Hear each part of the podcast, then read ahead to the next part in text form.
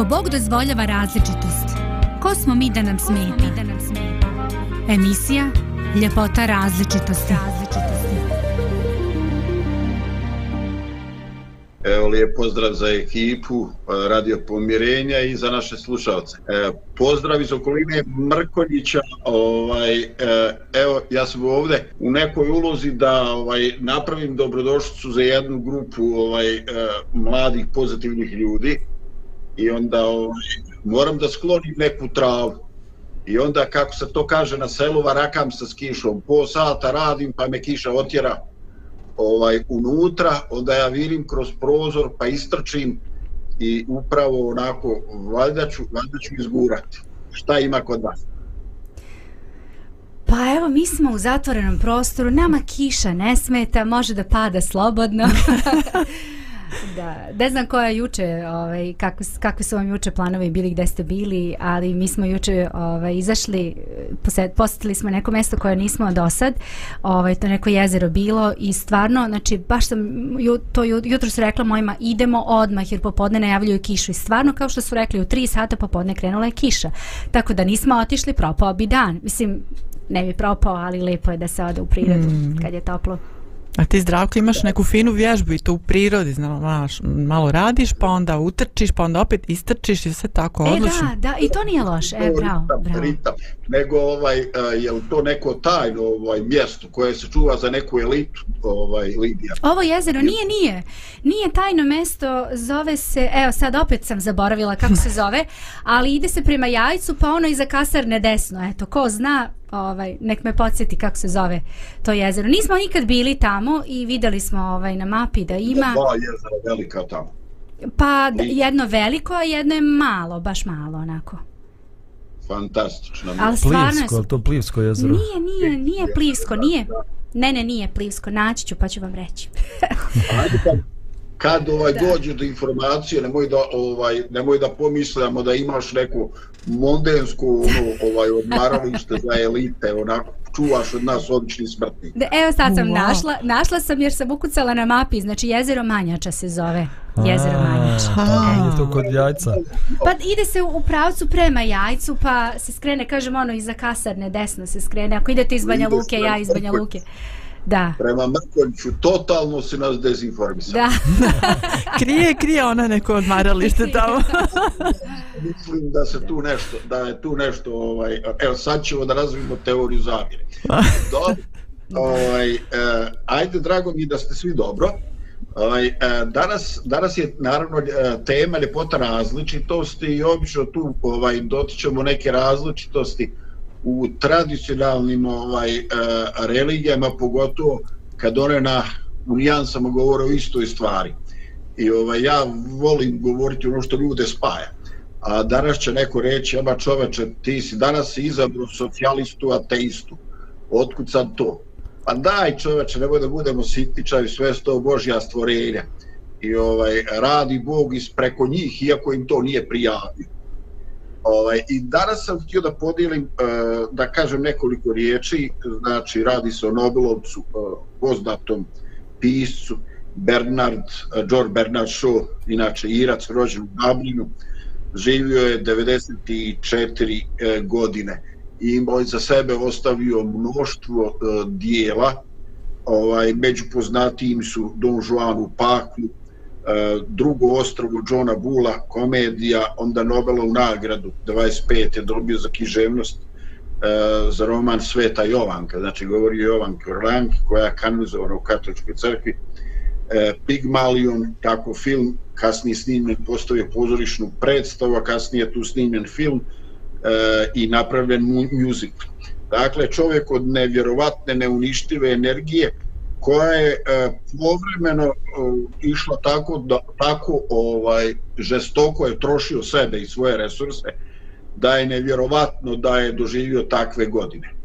Ovaj interesantno je da je jedna od tih njegovih iscrpljenosti kuvovala i njegovo jednoj ženi ovaj e, kaže njegova prijateljica je rekla ti jednostavno moraš imati moraš imati nekog ko će te paziti, ko će te njegovati i pošto su živjeli u tom jednom ovaj malom mjestu gdje su seljaci volili da vire preko ograde kao i kod nas šta se dešava, oni su morali otići da se vjenčaju, inače da ih ne kamen. Ali ovaj, eh, izgleda da, da taj brak nije konzumiran, da tako kažem, da su oni živjeli kao prijatelji. Interesantno, imali su dva stana, živjeli su na selu, ali ni to nije sve. Eh, danas bih htio da pročitam jedan E, kratak citat koji se nalazi, ovaj, hvala Lidija, e, koji se nalazi i na monitoru koji kaže Moja životna filozofija je veoma jednostavna. Ne prilazim ljudima bliže nego što oni dopuštaju. A trudim se da ih ne puštam bliže nego što oni zaslužuju. Eto, pa na kratko smo predstavili autora, na kratko smo izdvojili jedan citat koji bi trebao biti naša neka ideja vodilja u današnjem razgovoru, pa Lidija ćete zamoliti za uh, muzičku pauzu. Može.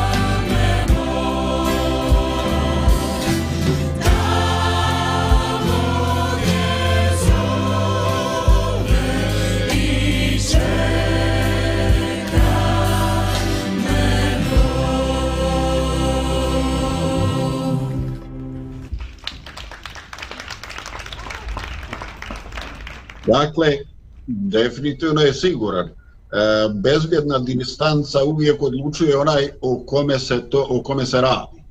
No, e, na osnovu čega se po vašem mišljenju i iskustvu e, definišu te granice približavanja ljudima? E, na osnovu čega ljudi donose ovaj, te neke svoje norme ovaj, kako žele da se drugi ponašaju prema njima ili možda šta smatraju da je očekivano i normalno kad oni komuniciraju s drugim ljudima.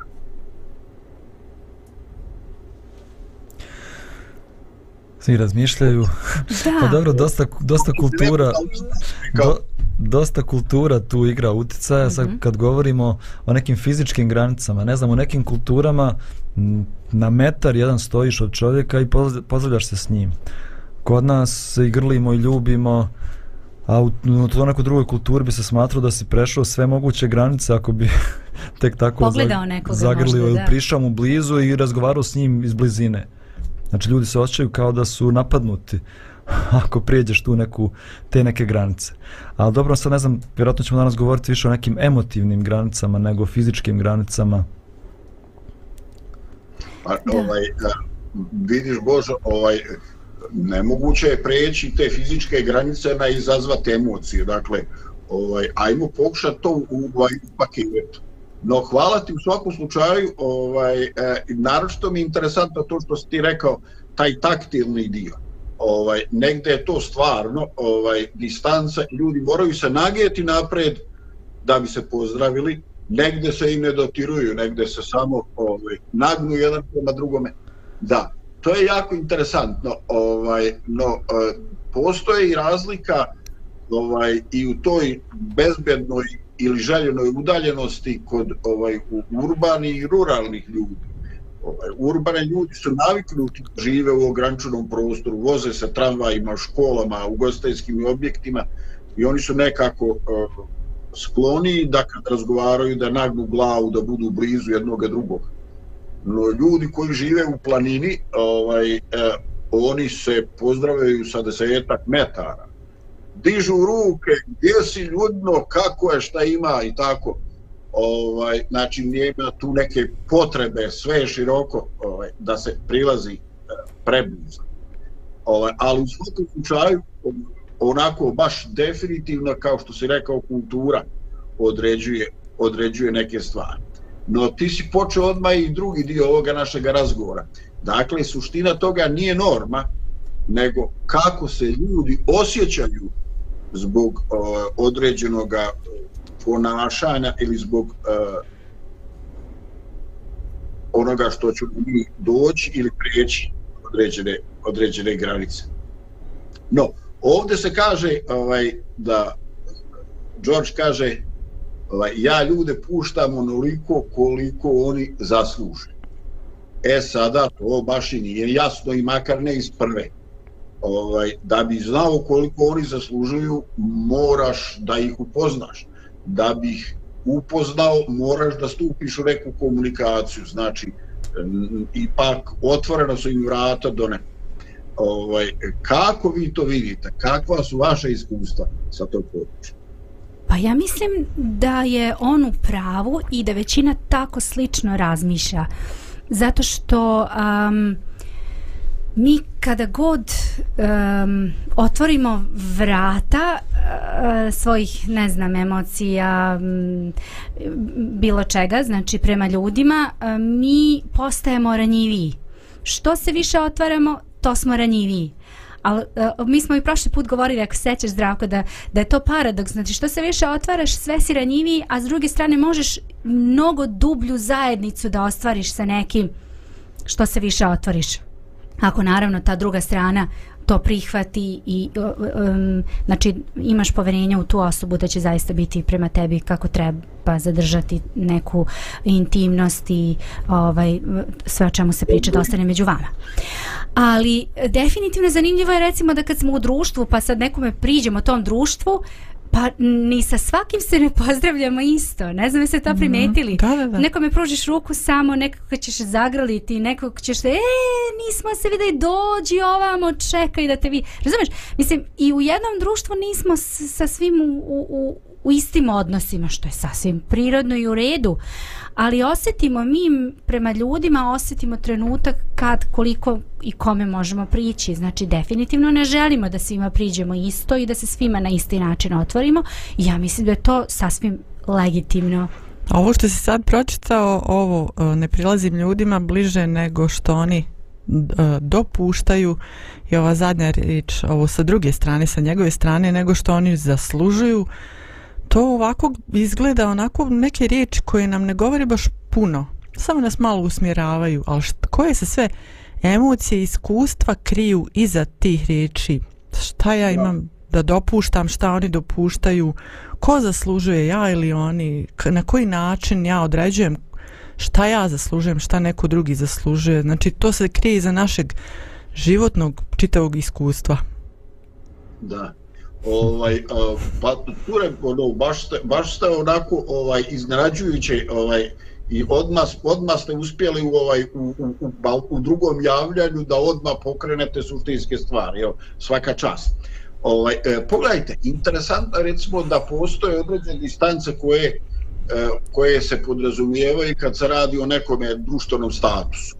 Ovaj, evo, recimo, rukovodeći kadar ima neku kancelariju prije, neku sekretaricu, razumijete, koja vas najavljuje, ne možete vi uza, ući i izaći kad hoćete. A neke uh, ustanove od većeg značaja imaju dole i prijavnicu, pa nazovu, pa telefonom, pa tek kad vas dole na, pri, ovaj, na prijavnici puste, onda se javljate sekretarici i tako.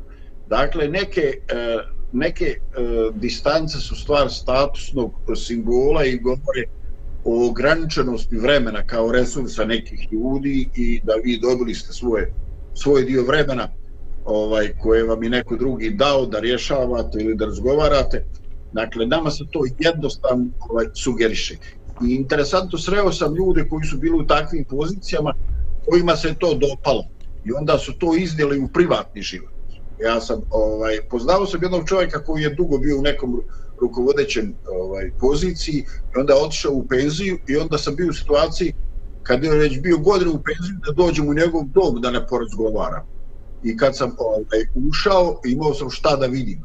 Ovaj, tu znači u primaču, u dnevnoj sobi je bio jedan veliki masivni stol ovaj, koji je njega odvajao od mene kao gosta. I tu uopšte nije ličilo na prijem u nečijem domu. To mi je ovaj, ličilo na nastavak one njegove dugogodišnje ovaj, pozicije koju on sad unio ovaj, unio i, i svoj kuću. Znači, želio je da tu di, distancu ovaj, e, zadrži. Da, koliko god je ovo o čemu vi pričate i možda što je spomenuo e, stvar emocija, razuma, ovaj, gotovo uvijek se ovo odražava kroz uh, vanjsku prostornu distancu. No, ovaj, imam interesantni stvari uh, u vezi autora, čiji citat smo danas čitali, ali možda prije toga da još pauziramo sa muzičkom pauzom.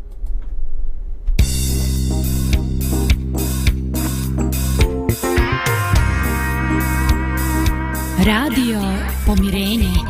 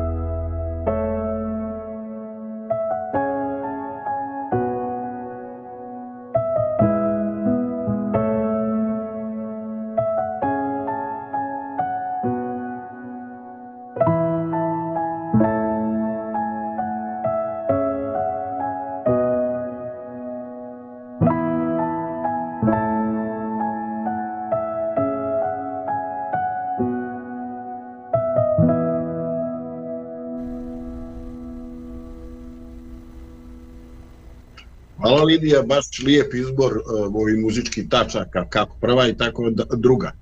Ovaj, ima još nekih detalja koji bi mogli biti interesantni za, za naše slušalce. Znači, George Bernard Shaw i njegova supruga uh, Charlotte kaže da su imali dva stana u gradu, no oni su jako ovaj rano kupili su kuću u jednom malom naselju, ovaj selu gdje su živjeli, ali to nije bilo dovoljno, pa je George u vrtu ovaj sagradio jednu daščaru od 6 kvadrata i na neki način je ovaj to bilo urađeno tako da se ona mogla rotirati, tako da su prozori uvijek bili okrenuti prema suncu. I kaže se, to je frapantno, da je najveći broj svih svih značajnih dijela upravo stvorio u toj daščari od šest kvadrata. Ovaj, e, htio, ovaj, dakle, njemu je, bez obzira što je bio nevjerovatne energije, e, trebala mu je e, koncentracija i tišina. Imate li problem da pišete pismo, da spremate emisiju, da radite neki intelektualni napor, ako svira radio, ako radi TV u prostoriji. Kako se nosite sad? Ja definitivno imam problem. Uh, znači ne mogu da radim, ne mogu ni da čitam ujutro kad ustanem imam neko svoje vrijeme, moram prije svega da prije nešto krenem da čitam nešto da pokus primim po kući da mi bude sve uredno mm. i onda mogu ovaj da čitam ne mogu ni da radim kad radi uh, televizor, mnogo mi to smeta. Znači moram imati neki prostor gdje se ja osjećam da imam mir, tišinu, da mogu da razmišljam i da mi bude uredno i čisto oko mene. E, ja isto mm. slično, vrlo slično ovaj, kao, kao Svi smo za. da, ne, ali ima kome ne smeta uopšte ko može da funkcioniše. Ja i kad kući dođem s posla pa mi je haos u kuhinji, ja moram da sredim kuhinju da bih mogla da krenem da kuvam nešto. Ne mogu, ne mogu da radim, nekako se ne osjećam dobro. Bez obzira kako te bole leđa ili ne znam ne, šta. Nebitno, nema. nebitno, moram to, da znam, se, to je jedini način da, da nešto skuvam u kući, inače nema ručka. Da, recimo, zanimljivo je da smo različiti, neko voli da, da radi uz muziku, neko ne voli, neko voli tišinu. Meni smeta definitivno televizor, buka, znači, ali volim muziku, neku finu, pozadinsku koja će onako da me inspiriše i onda mogu da radim.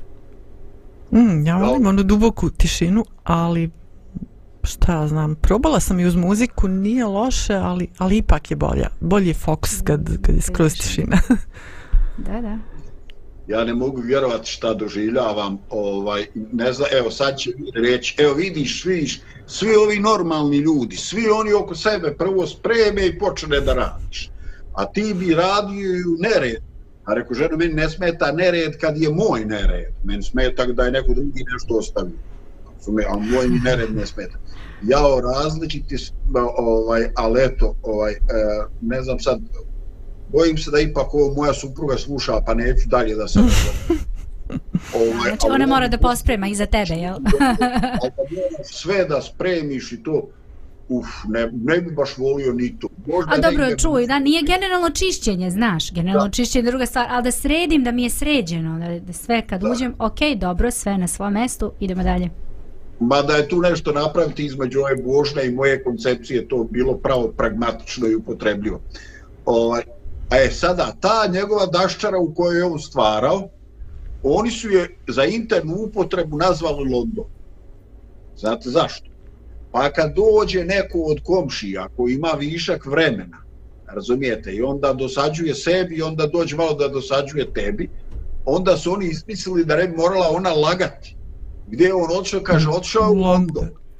A London je bila ta daščara, tamo, Zanimljivo. razumijete, 20-30 možda metara u vrtu ili više, i on je tamo pisao, stvarao, razmišljao, ovaj, ali za ovaj, ove goste, to je bio ovaj, London. E, a i sad malo budem provokativan. E, kako vi, kako vi rješavate kad ovaj, nemate baš vremena a, ovaj, a dođe neko ovako sa neizgovorenom željom da ima baš višak vremena. Ovaj, kako rješavate takvu situaciju? Da ja ga zaposlim ne... odmah. ja zaposlim odmah to ko, ko ima višak vremena. A zaposliš? Kad ti gost dođe neki, Znači, I njega dosta- zaposlim. O, svaka čast. da, da ne, šalim se. Ovaj, da, stvarno je vrlo, meni je to čudno iskreno da neko kaže da nema vremena. O, ne da nema vremena, nego da ima višak vremena. To mi je baš čudno. Ja sam, meni je ranije, ja sam ranije, strašno mi smetalo kad neko, ja imam svoj plan, imam svoje obaveze u toku dana isplanirane sve i onda mi neko to poremeti. I ovaj nisam tad bio u stanju ni da slušam to tu osobu, samo sam pokušavao što prije da se otarasim te osobe da ja nastavim dalje sa svojim obavezama, ali evo što sam stariji nekako shvatam da da su možda ljudi važniji nego nego moji projekti i ambicije da možda Bog je poslao te ljude u moj život. Mm, da. možda ja stvarno trebam nešto da im pomognem, a možda i oni mogu nečemu da me pouče. Ovaj, tako kad čitam evanđelja vidim da Isus nikad nije žurio i nikad nije imao neku svoju agendu šta mora danas da uradi. Kaže tamo ode u neko selo, ostao tri dana, išao u Jerusalim pa stao u Samari i ostao tri dana tamo kod njih. Ovaj, nije se žurio da što prije stigne tamo gdje krenuo. Eto, mi hoćemo da slijedimo Isusa, ali nekako ne uspjevamo da se uskladimo sa njegovim tempom. Više žurimo nego što je on žurio. Pa visoki standard, visoki standard. Ili spusti standarde ili se ovaj ili prihvati to da ćeš stalno da kasniš. A kad Isusa uzmemo kao standard, onda smo osuđeni da da polovično dosežemo. Ovaj, e, htio sam da vas pitam, e, da li ste možda u zadnjih pola godine ovaj, e, čuli za još neku kuću koja se rotira, ovaj, koja se nalazi eto, u našim ovdje krajevima? Da, ja sam čula. Da. A to ima veze sa mjestom mog življenja, je li tako? Ja ne znam o čem govorite. Ajde Lidija, razotkrimo. Ajde Da. Zdravko, ti verovatno znaš više detalja, ja sam to odavno gledala, ovaj, bio je neki video. Ovaj, ima u Srbcu ovaj, jedan ovako baš uh, privrednik, jako interesantan čovjek, uh, Vojin Kusić, koji je potekao iz sirošne familije i kak, kad su ga pitali kao dječaka šta će ti biti u životu, kaj ja ću biti buržuj. I onda je ovaj napravio ozbiljnu fabriku za proizvodnju ovaj plastike, ekstrudirane razne druge i ovaj približio se tome po cijenu baš ovaj ogromnog organizovanog rada i tako. I sada kad već polako ovaj e, djeca i preuzimaju poslove, on može sad da se posveti nekim kreativnim stvarima. I on je iznad svoje kuće napravio još jednu kuću, jeli prizemnicu, koja se nalazi na ogromnom točku i koja se bukvalno na pritisak dugmeta okreće, ali to nije daščara od ovaj šest kvadrata. To je sad, znači Prava montažna kuća potpuno normalnih veličina. I kaže ovaj detice da neko dođe ko ne zna i ovaj dok oni pričaju on lagano okrene kuću. I sad kaže kad ovaj iziđe na vrata jel, jel ova kuća ima dvoje vrata koje nema, pa če nisam ja došao s ove strane, kao krenulo se nam se nešto. Sad čovjek gleda kao da ovaj nije. Kad su ga pitali zašto je to uradio, ovaj, kaže moja supruga želi da ima pogled Da. na rijeku Savu.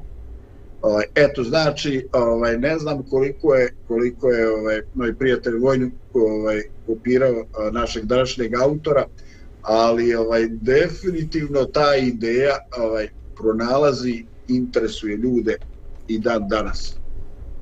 Ovaj, dobro, interesantno je, interesantno je, znači čovjek želi neku konstantu, želi da sunce mu dolazi i želi da bude sam da bi stvarao. Ovaj, da, ovaj, u urbanoj sredini mi to je zaista ovaj, problem, ali mislim da je to ljudski. E, gotovo svi proroci ovaj, u svetim knjigama su ovaj, imali te neke primjere askeze i povlačenja i pripreme za neke velike stvari. I to je, mislim, konstanta i mislim da čovjeku ovaj, tišina e, znači, iako ona ponekad može izvući na površinu i stvari koje, s kojima se čovjek tek treba nositi. Ovaj, e, možda, do... možda bih ja samo spomenula, izvini sad malo možda ulazim u, tvoj, u tvoju koncepciju, ali e, tišina je bitna naravno da, za, za stvaranje većini nas da bismo nešto mogli da stvorimo i da, da, da nešto kreativno uradimo. Većini jeste potrebna tišina, ali m, ja recimo sad govorim o, o sebi. Ja volim, volim društvo, volim ljude oko sebe, ali ne znam, ja sam više nekako introvert i, i volim volim svoju tišinu, volim svoj mir. Nije meni uvek do ljudi. I ja se čak i bolje osjećam kad nemam ljudi, ljude oko sebe. Nekako onako volim taj svoj, ne moram ništa da stvaram, ali volim da budem sama. Znači volim da, da sam u kući, da nešto svoje radim, da ne moram da se sad nešto sa ljudima. Iako volim i ovo drugo, znači nekako smo vede stvoreni da živimo u zajednici, da radimo, da sarađujemo. Ali mislim da to možda ima i do, do tipa ličnosti. Sigurno. Ovaj, dobro. To je ovaj, sva ova priča govori koliko smo ovaj, koliko smo različiti, koliko to moramo uvažiti ovaj, e, ali meni to ništa nije tako strašno kao ovo božno da mora da skloni čašu sa skola ili šta sve mora da, da bi čitao, on mora sve da počiti. Ja čoveče, ono, uf, to je Nemo baš da... čašu dirati. da, da, svaka čast. Ovaj, Lidija, a, imamo još dvije tačke, a jedna bi išla baš sa naše iskustvo no predlažem da prije toga opet napravimo kratku pauzu. Može.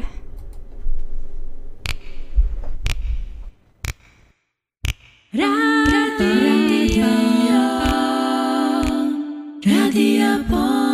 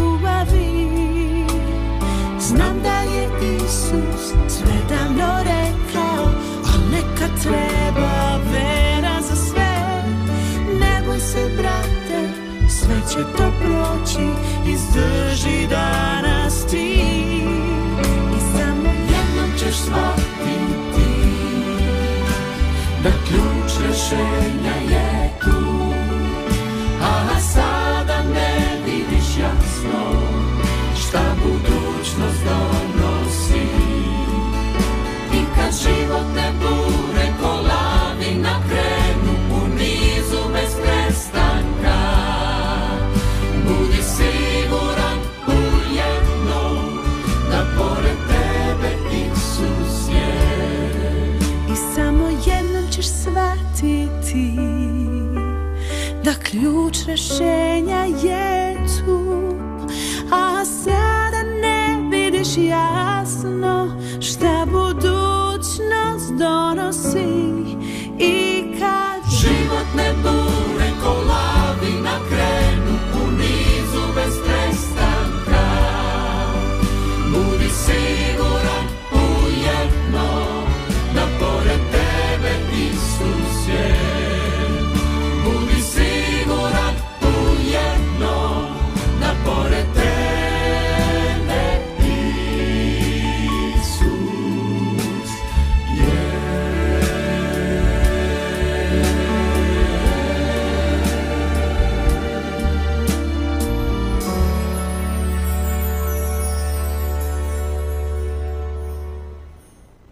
Naš uh, autor je u svom vremenu bio izuzetno poznat i ostale su mnoge anegdote o njegovom životu. Jedna od njih je, na primjer, da je za vrijeme izvođene njegove komedije uh, uh, kralj koji je prisutan na toj premijeri, da se toliko smio da je pukla stolica ispod njega i pao na pod. Ali možda još interesantnije od toga, u to vrijeme živjela je jedna prima, živjela jedna dama, Izidora Duncan, eh, koja je eh, bila eh, plesačica i bila je u tome u tome svijetu jeli, umjetničkog plesa. I u tim krugovima naravno oni su se dopisivali, družili su, ne vjerujem da su baš slali viber poruke. I, ovaj, I onda je ostalo je pismo kome ona na našem autoru i rekla čovječe, kaže, ti ovaj, uh, razmišljaš o nekim zakonima u Gerike. A sam htjela da te pitam, šta misliš kad bi ti i ja imali bebu? Kad bi ta beba imala tvoj mozak, a moju ljepotu i zgodnost, a kako bi to čudo odbilo? Kažu da je eh, George na to odgovorio, bolje je da ne eksperimentišem. Šta misliš ako, do, ako dobije moje tijelo, a tvoj mozak? Eto ovaj to su neki ovaj to je neki način intelektualnog ovaj odbrane da ovaj da neko ne uđe u tvoj prostor. No ovo sam htio malo da opustim atmosferu, a da vas pitam, e, stvarno, e, kad ste imali takve slučajeve da u nekako začudite se i pogledate u nekoga ko ovako, koga nemate pojma, ne znaš čovjek, on se nešto raspričao, ja ti ovo i ono, kao da se znate ovaj, e, ima li neka zakonitost, jer koja je to vrsta ljudi i možda da kažete kako vi to rješavate? Kad neko tako na nekom mjestu, na autobuskoj stanici, u restoranu, onako započne razgovor koji vi ni očekujete, ni ste tražili, a on onako baš, baš raspoložen. Pa ja nemam, ja nemam problem sa, sa takvim ljudima uh, koji, koji vole da, da komuniciraju i da pričaju. Pogotovo recimo tamo, ja, ja redko idem, hvala Bogu, nemam potrebe, ali kad nekad odem u dom zdravlja pa sednem i tako onda priđu, ne moraju biti ni stari ljudi, sada su baš ne, nešto stari, mogu biti i tako mlađi, ali neki baš imaju volje da pričaju i žele i onda krenu neke svoje priče. Meni je to, Meni je to ok, nemam uopšte problem sa tim, čak se ja uključim pa diskutujemo. Meni je to sasvim ok. Ima ljudi koji uopšte ne žele, ćute, drže svoju distancu i to mi je isto u redu, ali meni je to baš simpatično da neko je to voli i želi da, da se otvori, da priča o sebi. Mm. Ja sam ranije bila više onako, ovaj, kad sam imala to što ti kažeš, bože, ono, znaš, hoću, imam svoje planove, e tako sam imala planove i zato znači, ovaj, mislim, pod navodnicima planove ovaj, kako da se ponašam prema nekim ljudima i šta znam, kad te neko um, tako susretne i onda šta znam, počne da priča s tobom, zna se koliko može da priča, koliko rečenica da kaže i to je to, nema dalje, ali ne znam, to sa godinama ide, ne znam, oslobađaš se i toga i onda, šta znam, i navikneš se što kažeš. I onda sad mi je normalno bilo gdje, u samoposluzi, u javnom prevozu, bilo gdje, mm. na sred ulice, znači čak i ja, ono, šta znam, e, kad, kad e, na ulici slušam te ulične ove, muzičare i onda ja započnem razgovor s njima i tako, mislim, ne znam, hoću im smetati, ali nešto kažem, onda oni nastave i tako, malo pričamo i tako. Mislim, ja sam mislio ti počneš pjevat s njima. A pa, može i to, pa, i, to i tapkam Naravno. i onda i nagradim na neki drugih način ili slikam ih ili ne znam nija šta. Eto tako malo se družimo. Ovaj, to je dovoljna nagrada za, i za mene i za njih mislim ono u tom, u tom smislu. Znači ovaj, šta je čovjeku najviše potrebno. Ali ovaj kažem nije nije nikakav problem što se toga tiče sad. Sad je to normalno Da, ako mogu ja da dodam, e, mi smo pričali, ja ne, jedno smo, jedno emisiji sam ja govorio o tome kako je zdravo biti otvoren i iskren i transparentan, mm. ali u kontekstu naših sad današnjih granica a, svaki čovjek ima tri vrste potreba. Prvo su fizičke potrebe, pa emocionalne potrebe, pa duhovne potrebe. I što su te potrebe bliže a, vanjštini našoj lakše o njima pričati. Najlakše je pričati o fizičkim potrebama. kako mm -hmm. si, boli me, gladan sam, žedan sam, to mogu da pričam sa svakim. Emotivne potrebe, moji strahovi, moje frustracije, pa to ne mogu da pričam sa svakim. Tu postoje granice, znači to mogu da pričam sa nekim s kim sam stvarno blizak.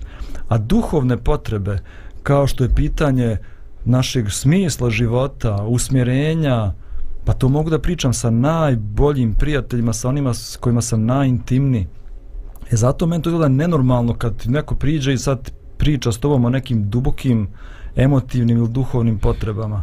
Ta osoba ili je psihički neuravnotežena ili je toliko usamljena da jednostavno nema s kim da podijeli nema nikog s kim je stvarno bliska da može to da, da podijeli. Ali mislim da to nije normalno. Normalno da postoje granice s kim razgovaramo o kojim temama. Ja sam mislio da ću ja ovaj evo ja čitav dan onako naj naj ovaj najnetolerantniji. Ovaj ali evo vidiš ovo mi je interesantno Boždare. Ovaj evo ja ovaj mnogo teže pričam o nekim emotivnim nego duhovnim stvarima. Ovaj ja jednostavno mene prva provjera ovaj znal ovaj to što priča znal ono čemu priča.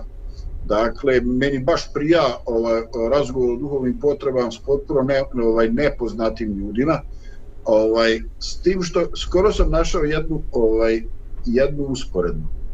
A, ljudi će te, kažem, mnogo lakše saslušati kad pričaš o svojim duševnim traženjima, nego što će biti voljni saslušati kad te pričaš kako si ti našao rješenje. Znači, čim nastupiš sa pozicije učitelja, ti našao rješenja, te sve jasno, onda si ti došao tu da, da ovaj, da ispiraš. Pametuješ nešto. da, ne, ne. Pametuješ, znači tu je već puklo, tu nema ovaj, no u svakom, u svakom slučaju, ovaj, htio bih samo da još jednu situaciju da čujem vaše iskustvo.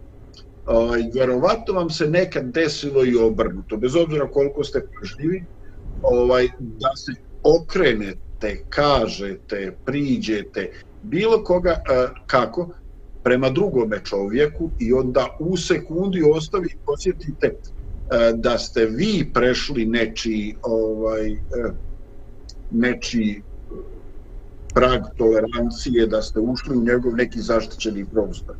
Ovaj e, e sada postoje dvije reakcije koje sam ja prepoznao ovaj e, bez obzira koliko se ona intenzivno pokažu.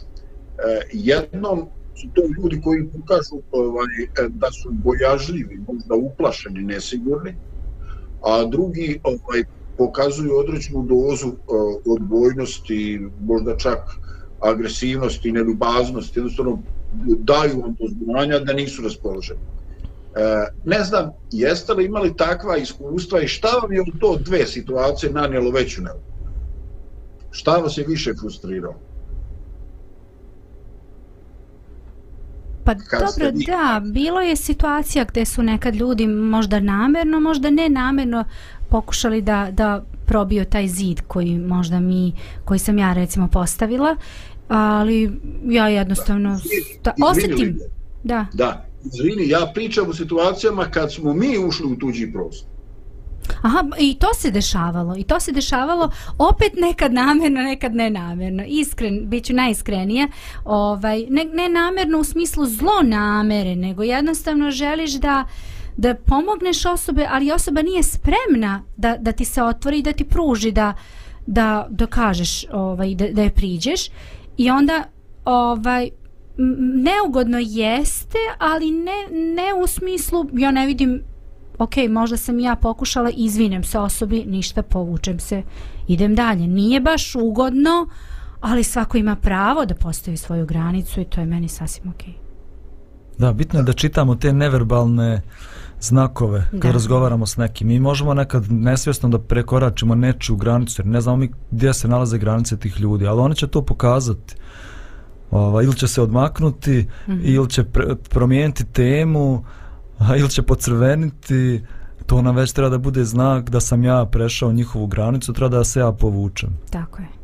Tako je, tako je. Ovaj, prije čito i 15 godina ovaj, e, bio sam, e, to je bila majka mojih prijatelja, ovaj, i mi smo se tu ovaj, kretali u nekom prostoru, ovo i ono, ovaj, žena je bila ovako jedno 25-30 godina starija i bukvalno mogla da im bude mama. I ovaj, ja sam u jednom trenutku primijetio na njenom ramenu, ovaj, ne znam šta je to bilo, nešto sa drveta je palo od lipe, nemam pojma, više ne sjećam se. Ja sam, ovaj, mi smo normalno pričali, sve je bilo potpuno normalno, ovaj, ja sam pružio ruku da joj to skinem sa ramena. I tad je sjenula munja. Žena me je pogledala, ja kao da sam nasilnik. Znači, očito njen, ovaj, mm. njeno je bilo taj taktilni dio. Pričaj sa distance, nemoj da me dotičeš, pa makar i da mi snimiš s ramena ovaj, neki, ovaj, neki dio beljke i tako. I onda sam ovaj, stvarno, kako ti kažeš Lidija, neugodna, izvineš se, ne razjašnjavaš se, to bilo najgore od svega, jednostavno prihvatiš da si, da se pogriješio, jer svaki čovjek ima ima pravo ovaj da odredi gdje je njegova granica ovaj i jednostavno mi to trebamo i moramo poštovati. Ovaj, vidite, htio sam još eh, da vas pitam, postoje li situacije u kojima mi praveći stalnu distancu, ako to izaberemo životni stil, postoji li neka mogućnost da bi na neki način uh, osiromašimo naš život? da jednostavno uskratimo sebe za neka iskustva. Naravno, naravno da postoji. Pa ima, ima mnogo ljudi koji tako žive. Ali to je prije svega strah od da ćeš biti povrijeđen ili strah da ćeš biti napušten. I onda izbjegavaš, praviš granicu sa svim ljudima, ne dopuštaš nikome da ti priđe blizu zbog straha da te ta osoba može povrijediti ili da će te napustiti. I neke, neke... Propuštaš i propuštaš Zim. život. Život propuštaš kad tako živiš. Nekad primijetimo ovaj to da smo pogriješili to što smo odbili, znači kontakt sa drugom osobom da, ili dalji, dublji kontakt.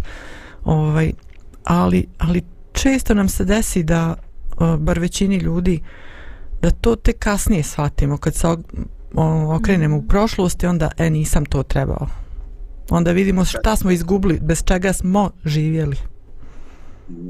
Prilika čelava od pozadi, jel? Molim?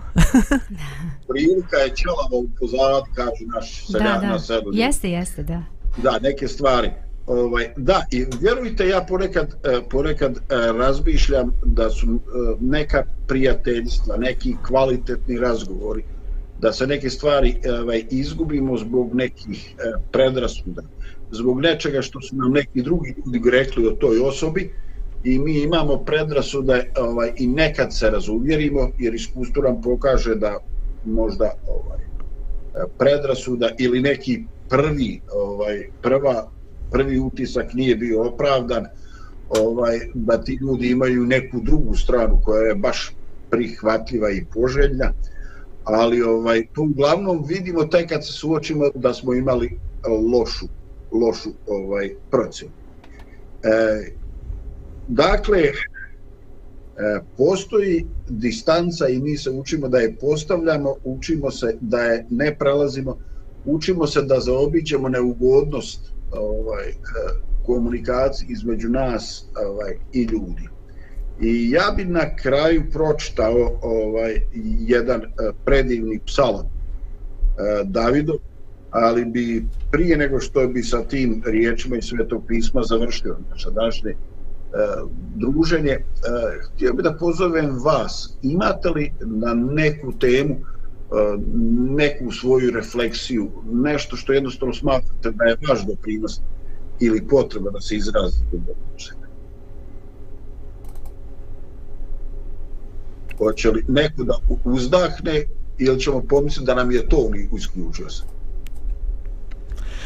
Mi smo, mi smo već ovaj, skinuli sve slušalce, očekujemo tvoj zaključak, sad ti nas opet uključuješ. Dobro, dobro. dobro, evo vidiš, pa kako bi bilo da vas malo ne cimam, izgubili bi dinamiku i kondiciju. Ovaj, ništa drugari, možda i najljepše da završimo sa ovaj, nadahnutim riječima dakle, čitam iz Psalma 63. I primjer jedne e, vapaja i neiz, neizmjerne težnje da sve distance koje su u nama nestanu i da se čovjek otvori i da primi tu Božju ljubav, da primi tu blagodat. I onda to o, preispitivanje, taj vapaj, skloni sve ono što je u meni i sve ono što bude, može biti problem, da ti bude bliže, da osjetim tvoju dobrotu i tvoj ljubav. Čitam psalam 63. Bože, ti si Bog moj ka tebi ranim, žedna je tebe duša moja, zato bom čezne tijelo moje u zemlji suvoj, žednoj i bezvodnoj. Tako bi te ugledao u svetinu, da bi vidio silu tvoju slavu tvoju, jer je dobrota tvoja bolja od života, usta bi moja hvalila tebe. Tako bi te blagosiljao za života svoga, u ime tvoje podigao bi ruke svoje. Kao salem i uljem nastigli se duša moja i radosnim glasom hvalila bi te usta moja. Kad te se sjećam na posti, sve noćne straže razmišljam o tebi. Ti pomoć moja i u svijem krila tvoji veselima. Duša se moja prilijepila k tebi, desnica tvoja drži. Eto, pročitah nešto lijepo što želim da u punini ne samo doživim, nego što želim da živim. I želeći to za sebe, želim to i za, za naše slušao. E, hvala e, na druženju, vidimo se i pratimo ovaj, e, i program e, Studio Reseta, kao i emisije koje ovdje imamo na radio Pomirenje. Pozdrav za ekipu i pozdrav za sve slušanje.